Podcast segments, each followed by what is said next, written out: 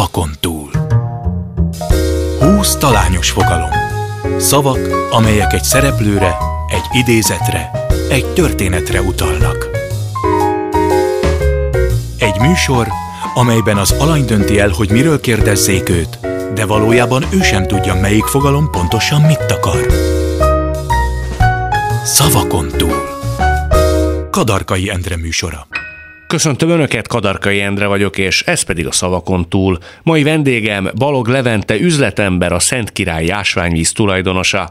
Az RTL Klub Cápák között című műsorának egyik milliárdos befektetőjeként szerzett széles körű ismertséget. Sikereit többek között sportolói múltjából hozott álhatatosságának és a brandépítés iránti szenvedélyének köszönheti. Ő következik. Ahogy azt már megszokhatták, ismét 20 fogalmat adtam át mai alanyunknak egy olyan papírt, amely 20 fogalmat tartalmaz, valamennyi fogalom az ő életének egy aspektusára, fontos szereplőjére, korábbi idézetére utal, és ezek nagyon talányosan vannak reményeim szerint megénekelve, vagyis maga az alany se tudja, hogy pontosan mit rejtenek ezek a fogalmak, és ezekből a fogalmakból Balog Levente mai alanyunk fogja kiválasztani, hogy pontosan miről beszélgessünk. A rendkedvéért hagy mondjam el, hogy mi közül választhat Balog Levente, tólig szóljon a himnusz, szívből megrajzolom, lábnyom, hatodik érzék, elemi ösztön, szenvedélyből, staféta, elitklub, kvalitás, mindenható, mindent egy lapra, fordulópont, tejbeaprít, rólam szól, csúcstámadás, házirend, madarattolláról. Van, ami nagyon szimpatikus, rögtön kezdjük neki. Több is van, hát szóljon a himnusz. Kezdjük azzal? Hát kezdhetjük azzal is. A Szóljon a himnusz az ön sportmúltjára utal, ön cselgáncsozott, 18-szoros magyar bajnok volt. Hát magyar bajnok vagyok, és 14-szeres kupa, kupa győztes, kupa bajnok. Feltett szándéka volt, hogy olimpiai bajnok akar lenni? Az, te az egész életemet azt határozta meg, hogy ugye hat éves koromtól cselgáncsoztam, és nekem mindig az volt a vágyam, hogy olimpiai bajnok legyek. Miért Tehát, volt ez olyan fontos? Hát, mert én lehet, hogy genetikailag is úgy gondoltam, hogy mindent a, a csinálok valamit, azt a legjobban akarom csinálni, és egyébként nekem az edzőim ezt a fejünkbe is súlykolták, hogy nekünk az olimpiai bajnokot kell legyőzni. Úgyhogy sokszor meg is lepődtem, hogy a iskolában az osztálytársak más-más sportot űztek, és például voltak kosarasok, és kérdeztem, hogy mi lenne, hogyha ide jönne a, a Harlem mit csinálnátok? Hát az elvernének minket, mint a kisgyerekeket. Akkor még kosarasztok. Hát nem értettem. Nem érdemes olyat csinálni, amiben nem a legjobb az ember?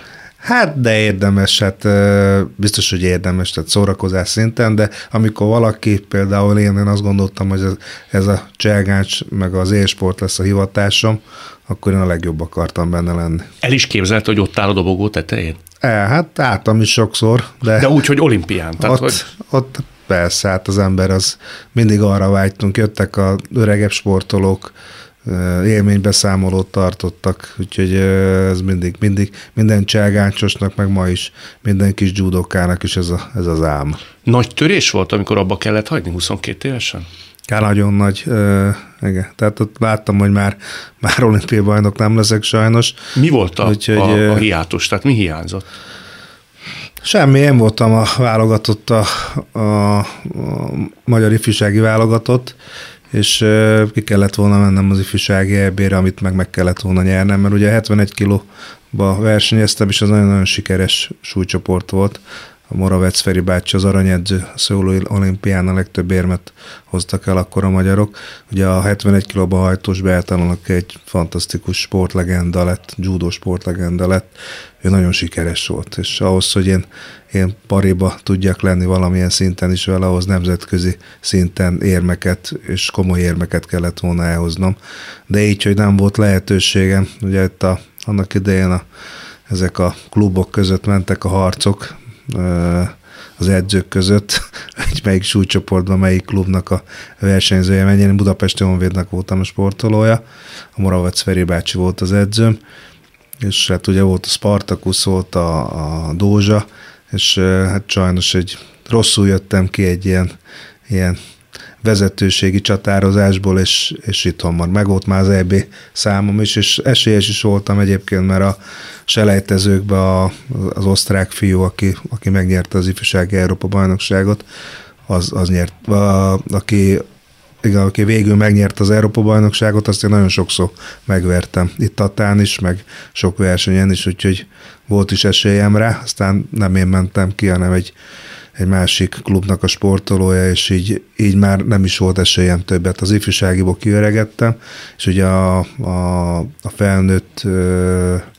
szinteket, a felnőtt nemzetközi pozíció, meg, meg a, a Bercinél volt, aki nagyon jó is teljesített utána. Megszakadt egy kicsit a szíve, amikor látta azt, hogy az nyert, akit olyan korábban rommá vert? Hát annyira nem szakadt, meg annyira szakadt csak meg, hogy tíz évig nem néztem a Eurosportot.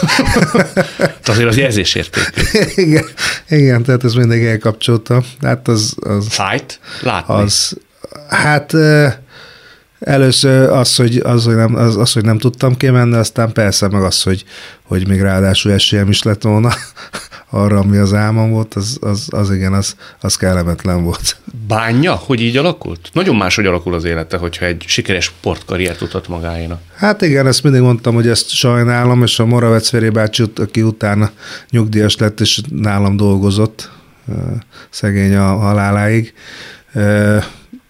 ő mondta, hogy Levikém, hogyha ha olimpiai bajnok lettél volna, akkor nem lett volna Szent Király. És ebben meg, ebben meg úgy mindig úgy megnyugodtam, hogy ebben meg igaza volt. Elcserélni? Nem. Nem? Nem. nem. Tehát ha valaki mondjuk nyolc évesen önelé teszi a két papírt, az egyiken a Szent Király sikere van, a másikon egy olimpiai bajnoki cím, akkor a Szent Királyt választotta volna? A Szent Királyt. Azért, mert a, én azt gondolom, hogy az az olimpiai bajnok cím az nekem szólt volna, vagy önigazolás lett volna. A Szent Királyéval sokkal többet adtam, nem csak magamnak, hanem szerintem Magyarországnak is. No, válasszunk egy másik fogalmat.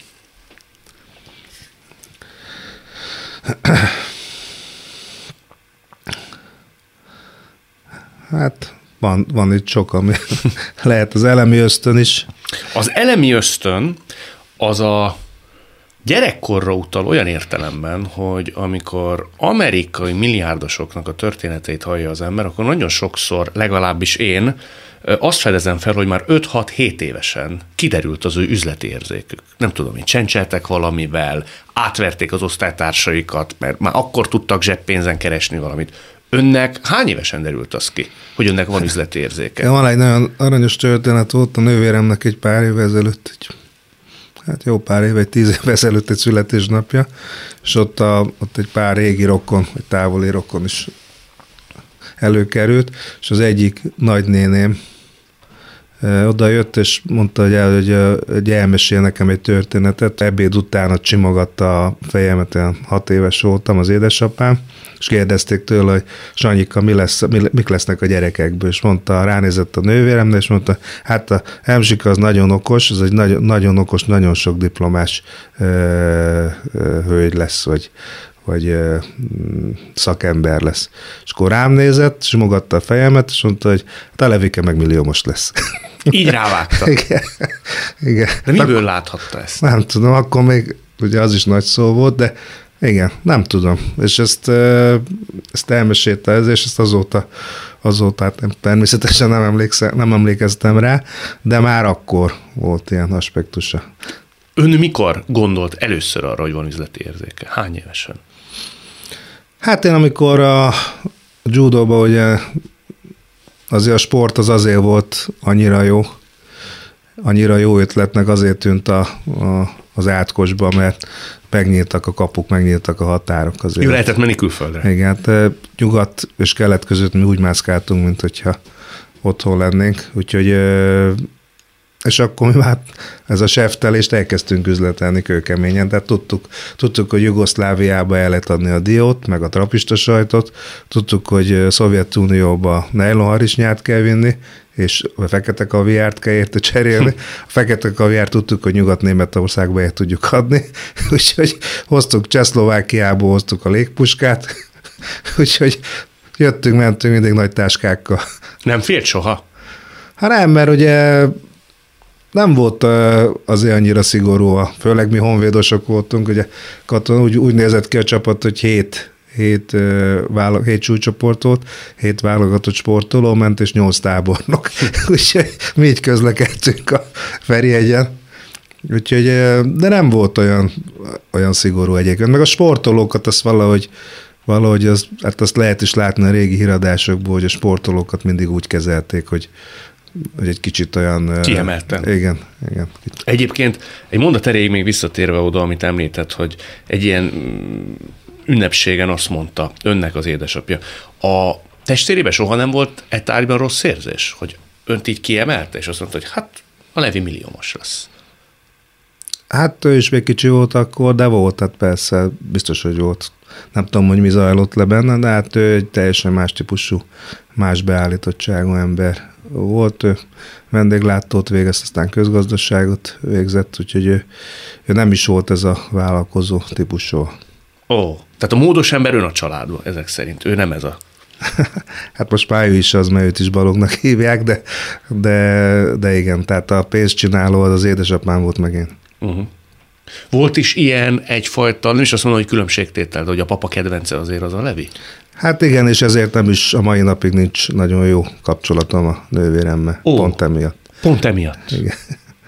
De ez már egész kiskorukban Ez egész, volt? hát ugye, ugye én fiú voltam, nagyon jó sportoltam, az iskolában se voltam teljesen hülye, tehát szakmailag is ráadásul még ugye tettézte a helyzetet, hogy a szakmába is az, az édesapám szakmáját választottam. Együtt nőttem föl a, a piacra, az iparra. És ön ott volt mindig az édesapja mellett, és figyelte ezeket. Igen. igen Szinte abszolút. ilyen kijelölt út volt, tehát ilyen magától értett. Abszolút, hát nyáron is mentünk én, mert ugye a, például az első görög-magyar viccelődött is rajta édesapám nyugat-európai magyar vegyes vállalat, ami egy görög milliárdos és a szikrálmi gazdaság hozott létre az Olympus Kft-t, hogy nyugat-európai magyar vegyes vállalat, és keletebbre van Atén, mint hm. Budapest, de hát természetesen nyugatnak számított Atén, és ott nagyon jó barátságba került a, a görög milliárdossal. Egyébként ott jött el nekem az a pont 14 éves koromban, hogy, hogy, én, hogy én így akarok élni, hogy ők. Hm. Hogy? Az mit jelent? Hát az, hogy családi vállalatként, nem alkalmazottként, hanem létrehozni valamit. Egyébként ön az a típus, módos emberként, egy ilyen családi vállalkozás vezetőjeként, hogy kiterjed a figyelme anyagilag is a szűkebb és tágabb családtagjaira? Mert azért ez nagy felelősség, említette a görögöknél is, hogy ez egy családi vállalkozás. Persze, abszolút. Hát ez, ez elengedhetetlen, persze. A karmester az egyben, uh-huh. és mhm. annak vezényelnie kell.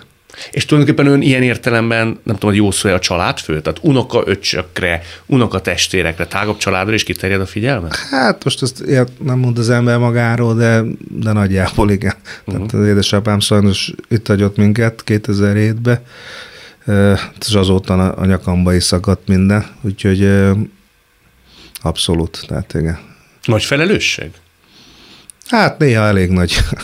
nagy, nagy is a egyre nagyobb a család, úgyhogy van, van felelősség persze. Mely része okozza önnek mondjuk úgy, ami még ránk tartozik, a legnagyobb fejtörés? Csak ugye azt látjuk, hogy milyen egy nagy vállalkozónak a... Hát a fejtörést az okoz, hogy az utódok jó irányba menjenek, jó irányba építsék fel az életüket, mert azért nagyon nehéz nekik. Tehát ezt épp napokban nyilatkoztam valamelyik tévében, hogy hogy a sikeres embereknek a gyerekei az, azok elveszett emberek valahol, mert, mert van, van, akit egyébként engem inspirált, de ugye azért az édesapám nem ért el mindent, amit lehetett volna, és engem az inspirált, hogy én meg elérjem, mert nekem nyílt meg ezzel a rendszerváltás, hogy amikor volt a 20-as éveim elején voltak, akkor olyan srung, olyan energia volt bennem, hogy nekem lehetőségem volt túlszárnyolni őt de, de például engem túlszárnyalni, az nem lesz egyszerű. az nagy kívás, és, és, és, és, ez, és sajnos az utódok azok, és nem csak nálam van ez egyébként minden kategória, a barátaim is sikeres üzletemberek, sikeres vállalkozók, náluk is ez a probléma. Tehát a végén mindig a gyerekek ott kötnek ki a, a, a szülő mellett. Ez valahogy azt kell megoldani, hogy, hogy ne a nevüket, nevükkel érvényesüljenek, hanem a tudásukkal. Ugye az egyik lány egy pszichológus, van, hát, akinek vállalkozása van, és egy még gimnazista. Igen. Hát most lesz gimnazista. Most lesz gimnazista. Igen, meg van egy fiam. Egy kis de ő még nagyon pici. Igen, igen. Még egy mondat erejéig itt a gyerekkorra visszatérve, hogy azt én jól tudom, és ez nekem nagyon tetszett, és a tudatosságot mutatja, hogy ön, amikor cikkeket olvasott, például gazdag, sikeres és híres emberekről, nem az érdekelt, hogy hogy van berendezve az élete, hanem hogy miképp érte azt el.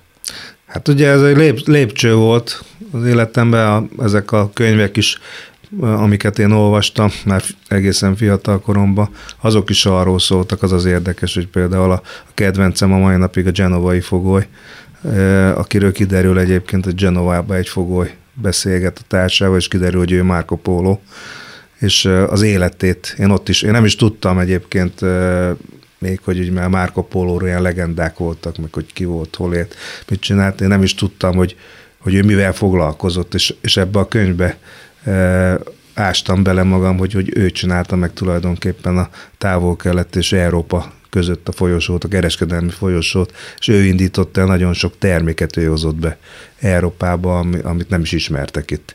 És a kereskedelmi útvonalatban milyen kalandjai volt. Tehát ugye van, akinek azt tetszett, hogy kardoznak, meg csatálkoltak. Én meg azt, hogy hogy, hogy rakta hajóra, mibe pakolta, mibe rakták, és nagyon sok inspirálódtam. Tud ebből tanulni egy gyerek? Ezek tud, gondolkodásmódot, megközelítés meg, meg, abszolút. Tehát eh, mindig más, más hogy eh, lehet, hogy sokszor már a, a könyvnek, vagy a, vagy a versnek is akár a mondani valóját én máshogy értelmeztem, mint akár a szerző. Hm.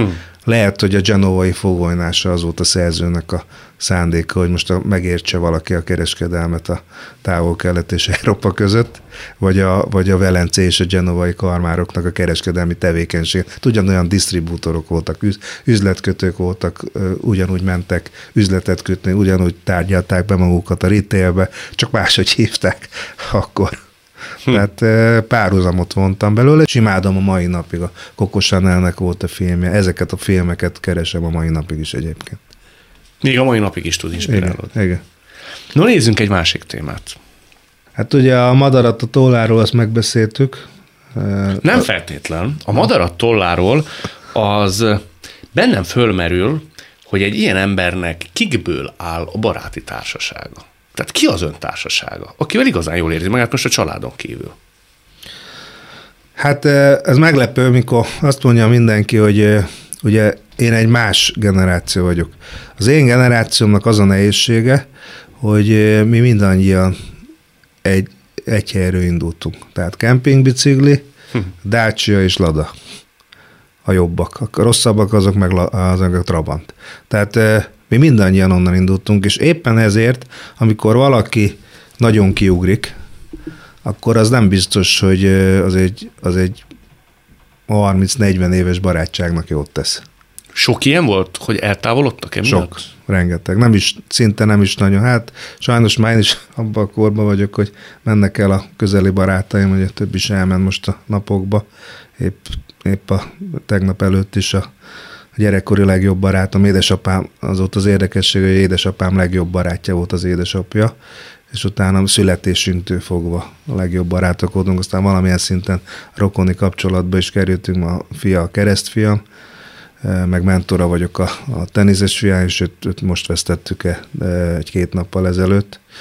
Úgyhogy e, sajnos már ilyen problémák is vannak, aki, aki megmarad, az meg egészségileg túl kell élni a dolgokat, már azt mondjuk, hogyha valaki megöregszik, az egy sikertörténet. Hm. Úgyhogy Úgyhogy nekem mindig egyébként, ugye én Kecskeméti voltam, azt hittem, hogy Kecskemétről soha nem jövök el, ott volt egy baráti köröm, a sport az mindig összefüggött a baráti körömmel, és főleg amikor még fiatalabb voltam, de most, most fölköltöztem Budapestre, most egy új feleségem van, és egy új baráti társaság. De az érdekessége az, hogy mindig a baráti társaságot, ezt mindig én alakítom ki a család körül. De ha jól értem, a távolodások a sokszor az agyagi különbség volt? Az, abszolút. abszolút. Tehát, Tud mondani egy élethelyzetet, hogy mi szül konfliktust ilyen esetben?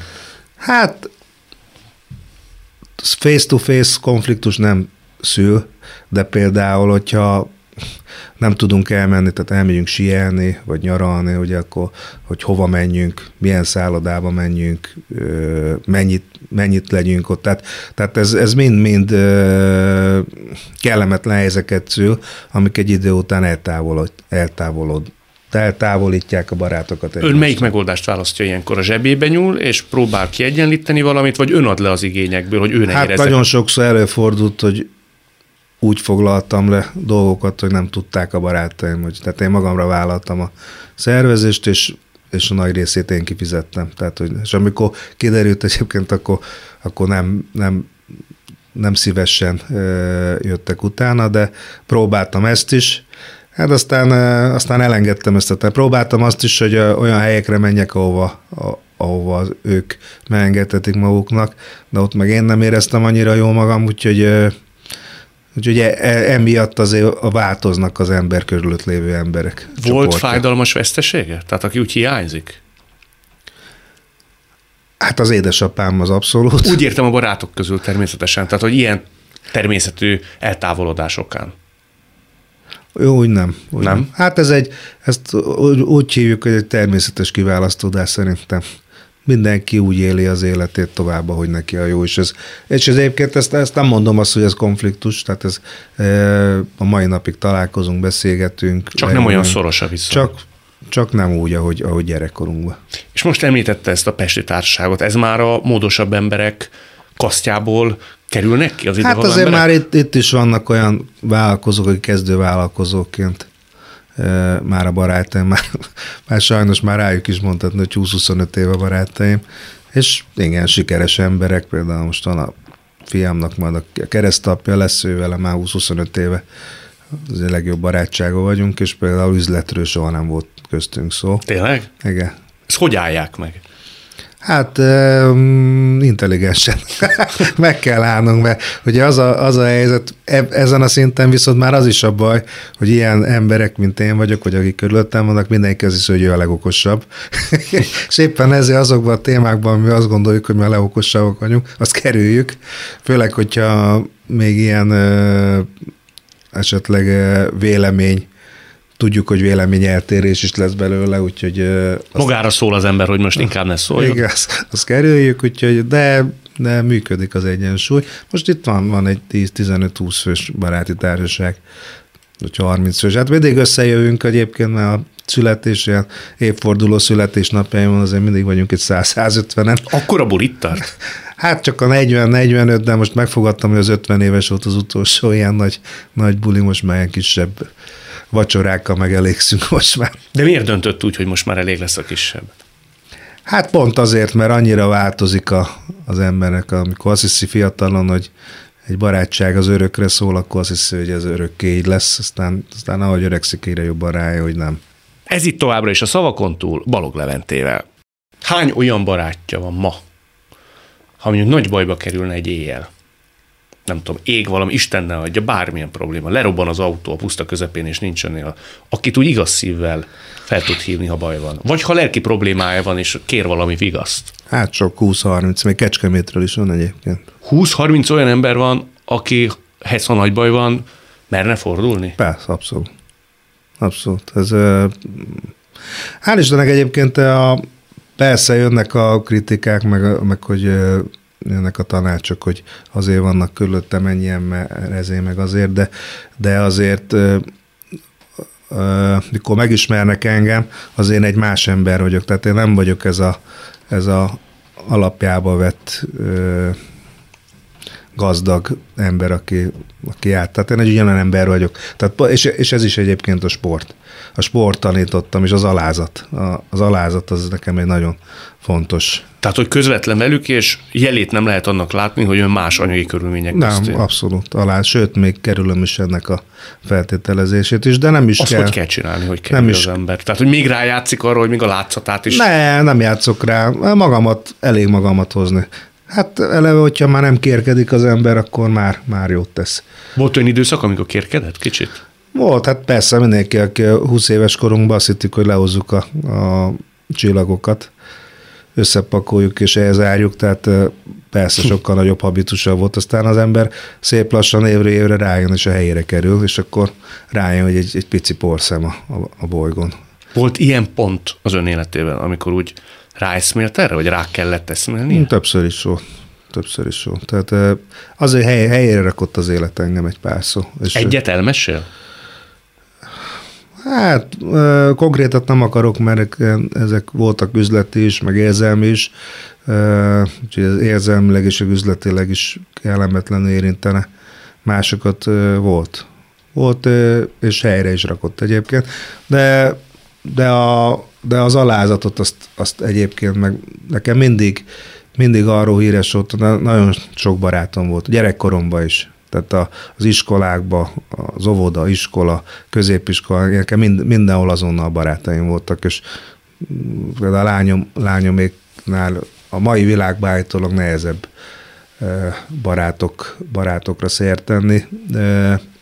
Én nekem ezzel soha nem volt problémám. Tehát egy idegen közegbe elmentem, és nekem azonnal, azonnal voltak barátaim. Tehát ilyen, ilyen gondom nekem nem volt, bárhol. Azt mondja, hogy helyre tette azért az élet. Milyen ön, amikor kétségbe esett és talajvesztett? Hát, kétségbe esett azért nem vagyok, de, de megfontol, sokkal megfontoltabb leszek. Tehát, lela, tehát nem, olyankor nem felgyorsulok és nem kapkodok, hanem lelassulok és következetesen cselekszek. Tehát ez az édesanyámtól örököltem egyébként, ugye van, aki ideges lesz, és fölmegy a vérnyomása. És, helyzetről beszélünk. Igen. Ilyen, igen. Én meg, én meg érdekes, hogyha ilyen helyzetbe kerülök, az édesanyám törökötem, én meg elalszok. Nekem meg lemegy a vérnyomásom. Tehát én csak higgadtan tudok megfelelően cselekedni. Volt olyan, amikor fölment a vérnyomása rendesen? Tehát amikor a téthelyzet ilyetén formán nem így tendált az ön esetében? Ne, nem, hát a habitusom az azért most sem mondom azt, hogy egy annyira nyugodt ember vagyok, de, de a habitusom az, az olyan, hogy nem azt mondom, hogy agresszív, de határozott. Tehát sokan félreértik, tehát én a végtelenségig megértő vagyok mindenki iránt, meg mindennel szembe, de amikor elgurul a, a, a gyógyszer, akkor, akkor abba, akkor vége. Akkor kiabál is? Hát nem, akkor ha egyet kiabálok, és utána soha többet nem beszélünk. Soha többé? soha. Tényleg? Igen. Hát az volt az édesapám, meg én köztem, a, a, amit, amivel nem értettem egyet az ő vezetői stílusába, hogy, hogy, hogy csak a, igaz, hogy úttörő volt, a kommunizmusba szocializálódott, hogy egy olyan vezető volt, akitől féltek a kollégák és ő fegyelmiket adott, egy fegyelmi, kettő, három fegyelmi, ilyen fegyelmi. Én meg mondtam, hogy nincs fegyelmi, és nálam nincs fegyelmi. Tehát nálam, hogyha elvesztjük egymás felé, nem csak én, hanem a kollega is elveszti a bizalmat felém, akkor elválunk egymástól. Tehát nálam rögtön elbocsátás volt. Ilyen elvágólagos, hogy igen. akkor kész? Igen, nekem, igen, abszolút. De a szó szerint kell érteni, hogy akkor a következő x évben ha megsértődik valakire, akkor ott nincs. Én a hangjára nem emlékszek egy öt év múlva. Tehát... Ezt nem mondja. Igen. De ez sértődés, vagy ez micsoda? Nem, ez, ez nem dac, ez, ez helyre kell rakni az életet. Tehát, hogyha olyan hatással vagyunk egymásra, ami, ami negatív, a másik félre vonatkozóak meg rám is, akkor ezt abba kell hagyni. Hát De mivel lehet ezt önnél elérni? 7 milliárd ember van a bolygón. Hát amikor visszaélnek a, a jó indulatommal. Az, Sok ilyen volt? Azzal nagyon. Nem, egyébként nem. De amikor volt, akkor határozott voltam. Hm. Ugye azt mondja, hogy vannak ilyen hangok, gondolom az ön környezetében is, hogy lehet, hogy a pénze miatt, a befolyása miatt barátkoznak önnel Igen, néhányan. hát erre utaltam az Igen. előbb. Sok ilyen van? Akit úgy ki kell szűrni? Nem, én helyén kezelek mindenkit. Tudom, pontosan tudom. Tehát ez, ez is egy, egy, egy ösztön, hogy úgy mondjam, hogy, hogy én én nagy, nagyon jó emberismerő vagyok. Nagyjából tudom mindenkiről, hogy ki micsoda. Ezt régen azt mondtam, hogy készfogással tudom, hogy kivel állok szemben. Ez lett volna az egyik téma, de akkor beszéljük meg, ez a hatodik érzék lett volna, hogy ön ugye azt mondja, hogy amikor kezet fog valakivel, ő 80-90 ba belövi, hogy Igen. az milyen ember. Ez nem indukál nagyon gyors ítéletű prognózisokat? Nem. Nem?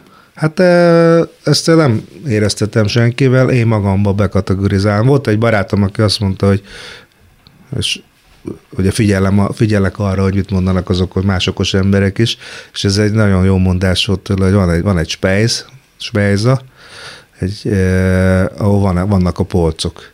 És a polcokról, eh, polcokon vannak a barátai. Az hm. alsó, középső, és például van olyan, amikor a felső polcról lekerül a középső polcra egy barátja, vagy az alsóra, valamikor kikerül a spejzból, de a, de a, de a spejzba a, azt, hogy ki melyik polcon van, azt, azt ő határozza meg, és az az ő fejében van. Hm. De mit érez például első benyomásként? Valakivel találkozik, köszönnek, kezet fognak, belenéz a szemébe? Hát érze, érzem azt, hogy ugye persze az emberek mindig először szépeket mondanak, jók mondanak, ebből leszűröm nagyjából, hogy ezt miért mondja. Tehát bekategorizálom, hogy ezt, ez most, ez most a, a, annak szól, aki, a, amit én létrehoztam, vagy nekem szól. Tehát látom a, az őszintességet, vagy a megjátszást, az azonnal látom az embereket. Hm. De, de ezért nem bántom őket, tehát ez nem is kell mindenkinek szerelmesnek lenni a másikba, tehát ez abszolút egy normál dolog, csak én bekategorizálom, és, és ebből nem lesz egy, egy együtt jelünk két hétig hm. Ausztriába dolog, hanem, hanem az, hogy havonta egyszer találkozunk, és az üzletről beszélünk. De nincs meg annak a veszély, hogy ez ebben nagyon határozottan és nagyon gyorsan valamit nem. gondol valakiről? Nem, nem, nem, nem, nem gondolok én. Ez lassan. Egyébként az a helyzet, hogy ezt azért merem kijelenteni, mert amikor én így, így bekategorizálok valakit az elején, az 80-90 százalékban az, az úgy szokott történni. Tehát utána. visszaigazolja az Igen. Igen. És akkor így magammal, tehát ezt nem úgy kell képzelni, hogy én most ezt elmondom, meg Persze. hangosan kimondom, hanem ezt magamba nyugtázom. És az egyébként ezért van az, hogy, hogy nem is érnek akkor a csalódások, mint másokat. De kialakul az emberben az idő előre haladtával egyfajta, nem azt mondom, hogy bizalmatlanság, de valami védőfal, valami távolságtartás. Óhatatlanul. Ki, biztos, hogy kialakul, meg mondják róla, mert nem veszem észre magamról, hogy, hogy bizonyos esetekben távolságtartó vagyok, tehát egy ilyen, látnak egy ilyen, ilyen kerítést körülöttem, de én nem érzem egyébként. És ezt azért nem érzem, mert, mert amit mondtam, hogy ösztönösen kategorizálok, ez, ez, ez nekem ösztönös. Tehát ez van, aki, van akinél ez nem nincs jelen, van akinél meg jelen van, de ez, de ez semmilyen plusz vagy mínusz nem jelent. Na válasszunk akkor egy következőt. Elite Club. Az Elite Club az azt jelenti, hogy azon gondolkodtam készülve erre az interjúra, interjúra, hogy azért van egy fejlődési íve egy üzletembernek, egy vállalkozónak, hogy végigjárja a stációkat, és van egy pont, ez nem tudom, hogy pont vagy egy folyamatnak a betetőzése, amikor kvázi az igazán nagyfiúk közé leül.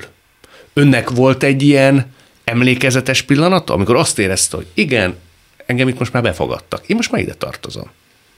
Hát, konkrétan így nem volt. Hát meg, megvívtam a csatámat, megvívtam a harcomat, hogy, hogy ismerjen és elismerjen a szakma. Ugye a nagy harcom az a Szent Királyi volt, hogy a ásványvizemnek a, a felépítése, amikor, amikor én 2003-ban, ugye az édes 93 óta van a, a Szent Királyi, és én azt gond, az édesapám elejétől fogva azt mondta, hogy a világ legjobb ásványvize, és mindig mosolyogtunk rajta, aztán végül az lett. Hát ugye az volt az első nagy harcom, azért azt el lehet képzelni, hogy hányan meg, hogy megtámadtak. 2004-ben úgy alakult volt egy Aqua Expo nevezetű kiállítás Párizsba, a Champs-Élysén. 110 számozott üvegkancsóba beletöltöttek a vizet. Aztán, hogy ez minek köszönhető, hogy tényleg a, a Szent Királynak a, a pozitív hatása miatt, vagy, a, vagy az édesapám által, ugye a családunkban kilenc apáca volt, három pap, és volt egy, egy apáca, aki pápai kitüntetést kapott, egy, az is egy nagynéném volt, aki először a zsidókat menekítette Dél-Amerikába, és aztán meg a kommunizmus elől menekülteket Bécsből, és egy rendet alapított Buenos Airesbe, ő volt a Juliska néni, és mindig, amikor jó történt a családdal, akkor ezt mindig Juliska néni tette velünk. Úgyhogy nem tudom, hogy a Juliska néni miatt, de egy kancsot vett, egy, egy nagyon elit szakmai zsűri volt, mert az egészségügyi szervezet igazgatónője a Párizsinak, a franciának, tehát, és kiválasztották a Szent Király. Ez ilyen egyszerű volt. Ugye megtámadtak először, hogy, hogy megvettük, hát most, hogyha meg lehetett volna venni Franciaországban, ilyet valószínű, hogy ezt nem a, a, Kecskemét melletti Szent Királyi falu vette volna meg. Ez az egyik. A másik az, hogy utána persze megtámadtak, hogy ez mert ugye én kaptam egy értesítést, hogy ezt minden el volt, a Pigába volt a, a diátadás, mint a Batman tehát volt minden. Popcorn, meg csinadadratta. A, a helyi tévékin volt, kijött a, a magyar tévé, de a francia tévé is. De ő is megfuttatta ezt, tehát rögtön leadta az mt Hát én azonnal persze, azonnal leadta. Hát rapkós üzletemberként azonnal suktam persze az MT-nek, Kivitte a köztévét, ugye, a diátadóra. És, és nagyon egyébként eh, nagyon jókor jött, mert ugye akkor lépett be Magyarország az Európai Unióba, és mindenki meg volt ijedve, hogy mi lesz velünk. És egyszer csak jött egy kis magyar cég, aki tarót Párizsba. No nézzünk akkor egy másik fogalmat. Fordulópont? A fordulópont az pont ez a díj, amiről előbb beszéltünk, csak annak egy másik aspektusa. Ö, érdekelne, hogy ilyet lett utána, mert azért van az a kategória, amikor az ember egy hihetetlen nagyot ugrik, és akármennyire is nagy dolog ez, meg tud ijedni, vagy azt is bemeri hallani, hogy abban az időben mondjuk a fejébe szállt a dicsőség. Hát fejemben nem szállt soha a dicsőség, mert ezt szintén megtanultam a cságástól, hogyha fejembe száll a dicsőség, akkor nagyon gyorsan a hátamra hajítanak. Úgyhogy nem, elszánt lettem, energiát adott, iszonyatos erőt adott. Hát egy olyan erőt adott kezembe, mint a, tornak, amikor megkapta a kalapácsot, hm. vagy az Amerika kapitány a pajzsát. Tehát kap, kaptam egy erőt, kaptam egy, egy e, szuper képességet. Az apukája mit szólt hozzá? E, hát őt nagyon tisztelem a mai napig érte, hogy e, ő látta, hogy ez már ez, ez túlnőtt rajta, és, e, és, visszalép, és tudta, hogy mikor kell visszalépni. Tehát ő láttam rajta, hogy, hogy tehát ugye, amikor én bejelentettem, hogy 2007-ig nem fejlesztettem a technológiát, ez, ennek nagyon sok oka volt egyébként. De részben rávaló tekintettel, ugye? Nem, nem, nem, nem, Ez, nem. Én 2004-ben pontosan fölépítettem egy tíz éves stratégiát, hogy hogy fogom itt uh, megerősíteni a brandet, és hogy leszek piacvezető. Ennek egy része volt az, hogy három évig én nem fejlesztek technológiát, hanem csak a marketinget erősítem. Ez is a stratégiának a része volt.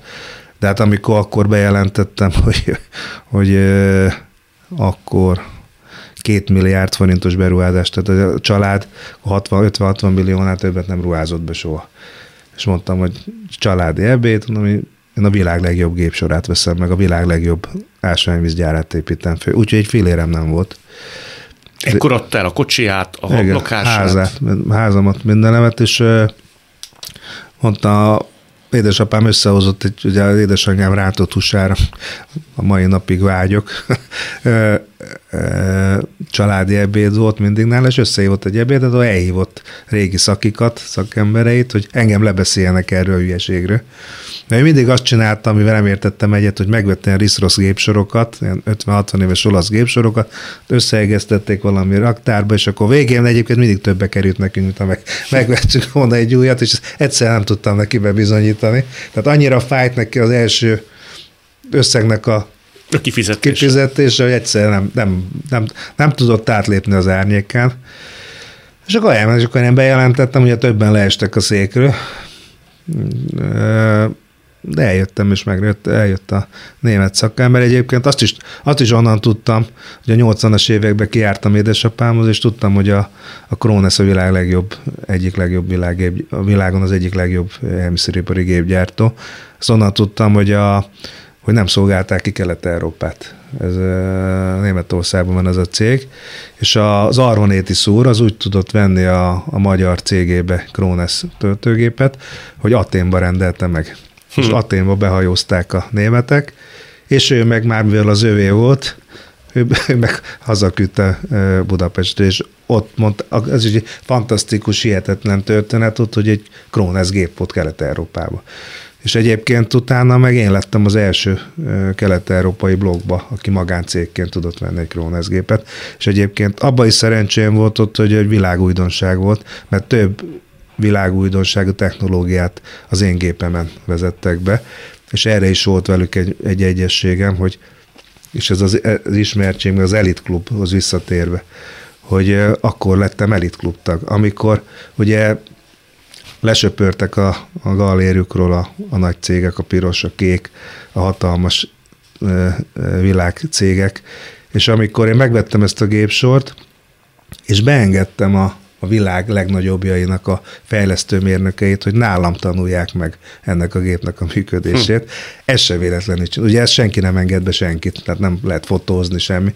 Én mondtam, hogy ha én megkapom ezt a gépet becsületszóra, akkor, akkor én ez egy, ez egy Krones észrevétlenül, hogy ők, hogy nem is vették észre, egy Krones kiképzőközpontot csináltam, ahol a világ legjobbjai tanulták nálam az ásványvízgyártásnak a, az új technológiáját. És akkor, mikor ők kimentek a gyárból, és nem hitték el, hogy én beengedem oda őket, akkor azt mondták, hogy akkor például a Nestlének a, az akkori francia vezérigazgatója, akkor lett a barátom. Hm. De ez nagyon nagy rafinéria, nem? Az, az persze. Hát ez, ez igen. Tehát megfordította az egészet. Meg. És tudott elént kovácsolni egy helyzetből, igen. ami látszólag hátrányos volt. Igen. Hm. És akkor ez egy nagy elismeréssel járt, azt mondja a piacon belül is. Azt hát mondták, a, akkor, ez... akkor, a, akkor a világ elit befogadott. Tehát az abba a pillanatban befogadtak.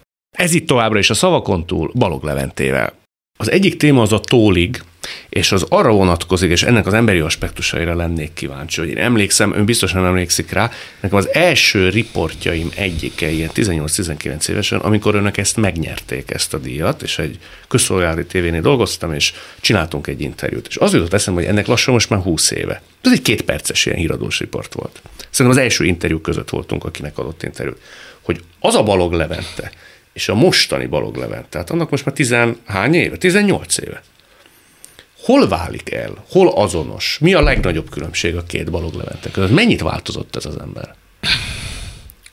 Hát sokkal több tapasztalattal rendelkezek, és nem, a habitusom nagyon megváltozott, tehát lenyugszik az ember. Igen? Mondjuk abszolút. Tehát, eh, tehát ezt, ezt szoktam is mondani, hogy a, a mai Balog Levente már nem tudná megcsinálni ezt a Szent Király sztorit. Nincs meg az a tűz? Ne, nem, nem, nem mer, nem merni. Ó, szóval az idő előre alattával a döntéseiben óvatosabb lett sem, mint Azért, mert igen, mert egyre nagyobb a veszteni valója az embernek.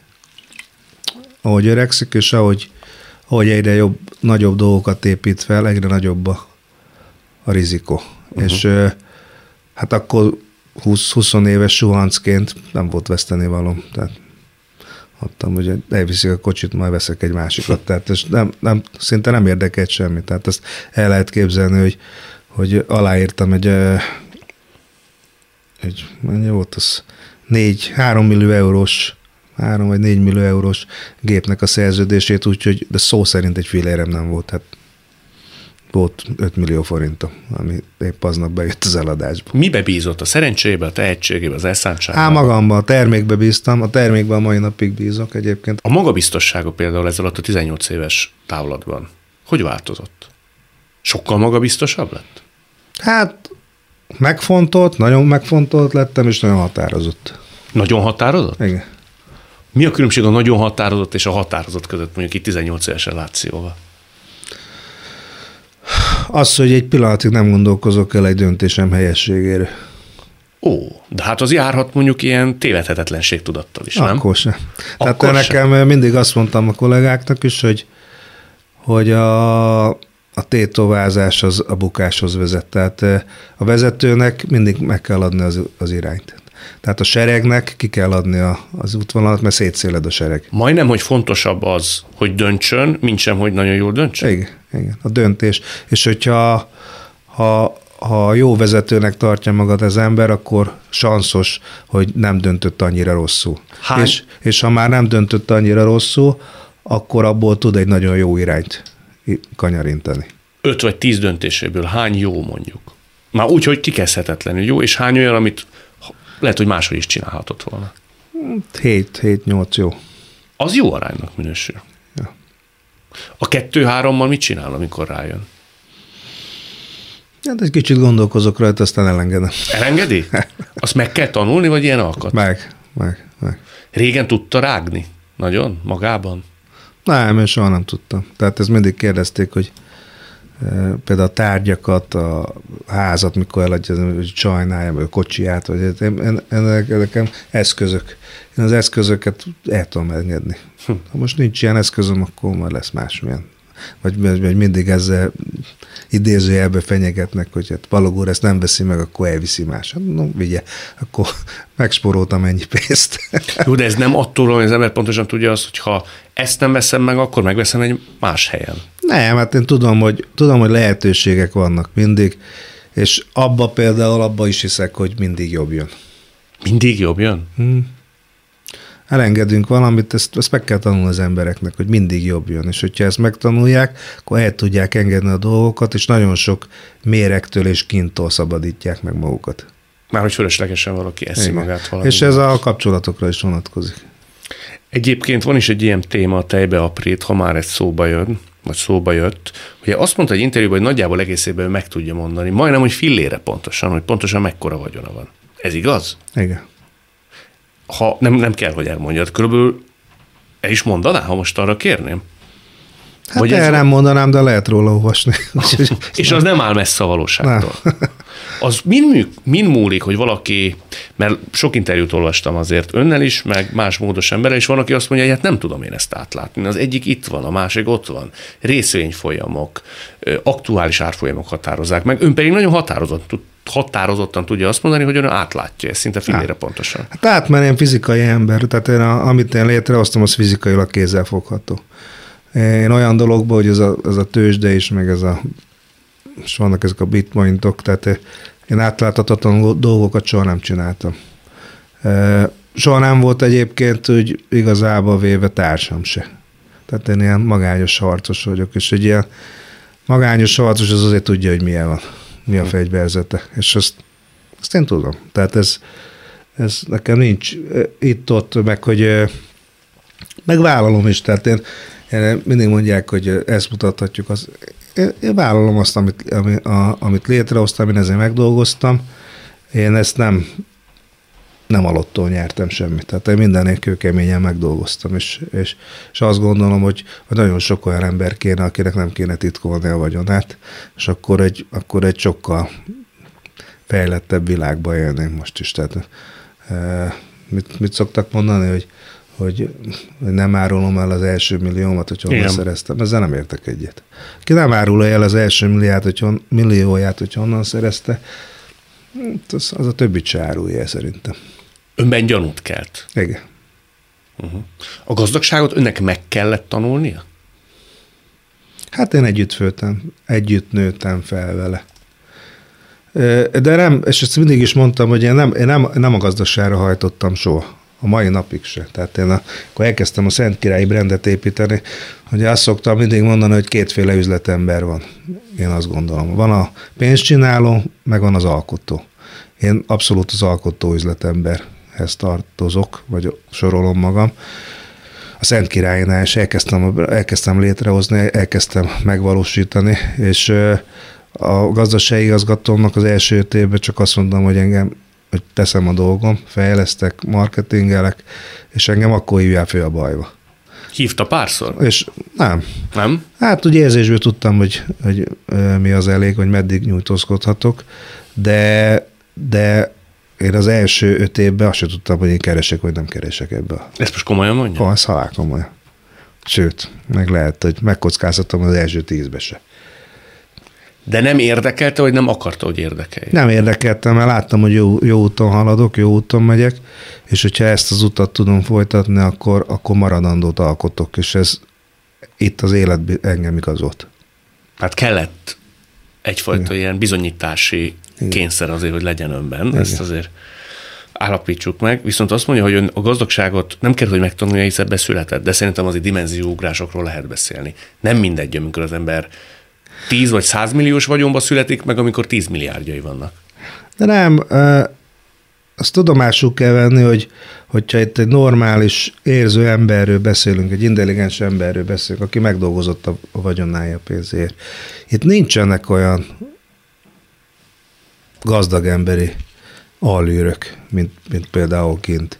Tehát itt, itt most azért gondoljunk már bele, itt Magyarországon azért még a mai napig, majd a más, meg a következő, meg az azutáni generációnál lesznek ezek a problémák.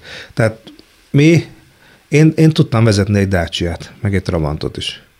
Én, én tudtam aludni egy sátorba, én tudtam aludni egy tőserdőbe a barátaimmal. Tehát én, én minden olyat megcsináltam, amit, amit, és a mai napig is megcsinálok, amit egy normál hétköznapi ember megcsinál. Ugyanabban a boltba járunk vásárolni, vagy ugyan a kávézóba egymás mellett ülünk. Tehát nincsenek elkülönülve az emberek, és ha valaki nem viselkedik elkülönülten, már pedig én nem viselkedek úgy, meg nem is akarok, én szeretek az emberek között lenni, szeretek kommunikálni. Nagyon szeretem azt is például, hogy a cápák között miatt eléggé kedvelt lett ez a műsor, és nagyon kedvesek az emberek. Kérdezik, hogy nem zavar-e. Egyáltalán zavar, ma olyan kedvesen közelítenek meg, és abszolút nem tolakodóan, mert ebből is látszik, hogy ez a műsor egy hiánypótló, és egy, egy fantasztikus dolog, ami, ami tanít, inkább tanít. Milyen Szórakoztatva tanít. Milyen helyzetben tudják önt megszólítani? Bármilyen helyzetben, benzinkúton, kávézóba, bárhol. Gyakran mennek oda? Igen, igen hát napi szinten, de de, de kedvesek. Tehát tanár, ez jól esik ön. Igen, ön tanár, igen mert, mert ma már arra a szintre jutottam egyébként, hogy ma már inkább tanító akarok lenni, mint, mint üzletember. Egyre válaszoljon még, hogyha egyszer visszavonul, akkor önben lesz annyi belátás, bölcsesség, mint édesapjában volt, hogy nagyon jó érzékkel, jó tempóban és kellő megfontoltsággal adja át a stafétát? Már van. Már van? Már van. Ezért mondom azt, hogy én most már megyek ebbe a, hogy tanító vagyok, hogy én azt gondolom, hogy én, én nagyon többet már tudok elérni, és amit elértem, ennek a tudását viszont át akarom adni a következő generációnak. Bennem már most, bennem hogy hamarabb bekövetkezett egy tíz éve egyébként, mint édesapám. De nem hiányzik az a része, a pörgés, a gyors döntések nem. tempója, nem? Nem, hát a, az alkotási vágy, az alkotás utáni vágy, az hiányozni fog, de most benne vagyok most egy meghazudtolom magam, két-három olyan projektbe, ahol még az bőven van mit bizonyítanom. Úgy, Kinek? Hát magamnak. Elsősorban. Tehát most egy két-három, szerintem egy komoly projektbe benne vagyok, amit még be kell fejezni. Akkor sok sikert hozzá. Nagyon szépen köszönöm. Én köszönöm a meghívást. Ez volt a mai Szavakon túl Balog Leventével. A műsort nem csak hallgathatják, de végig is nézhetik. Iménti beszélgetésünk hamarosan már látható lesz YouTube csatornában is. A mai adás létrejöttében köszönöm Árva Brigitta és Rózsehegyi Gábor segítségét. Találkozzunk jövő szombaton és vasárnap itt, a Klubrádióban. Viszont hallásra! Jövő héten ugyanebben az időben újra Szavakon túl.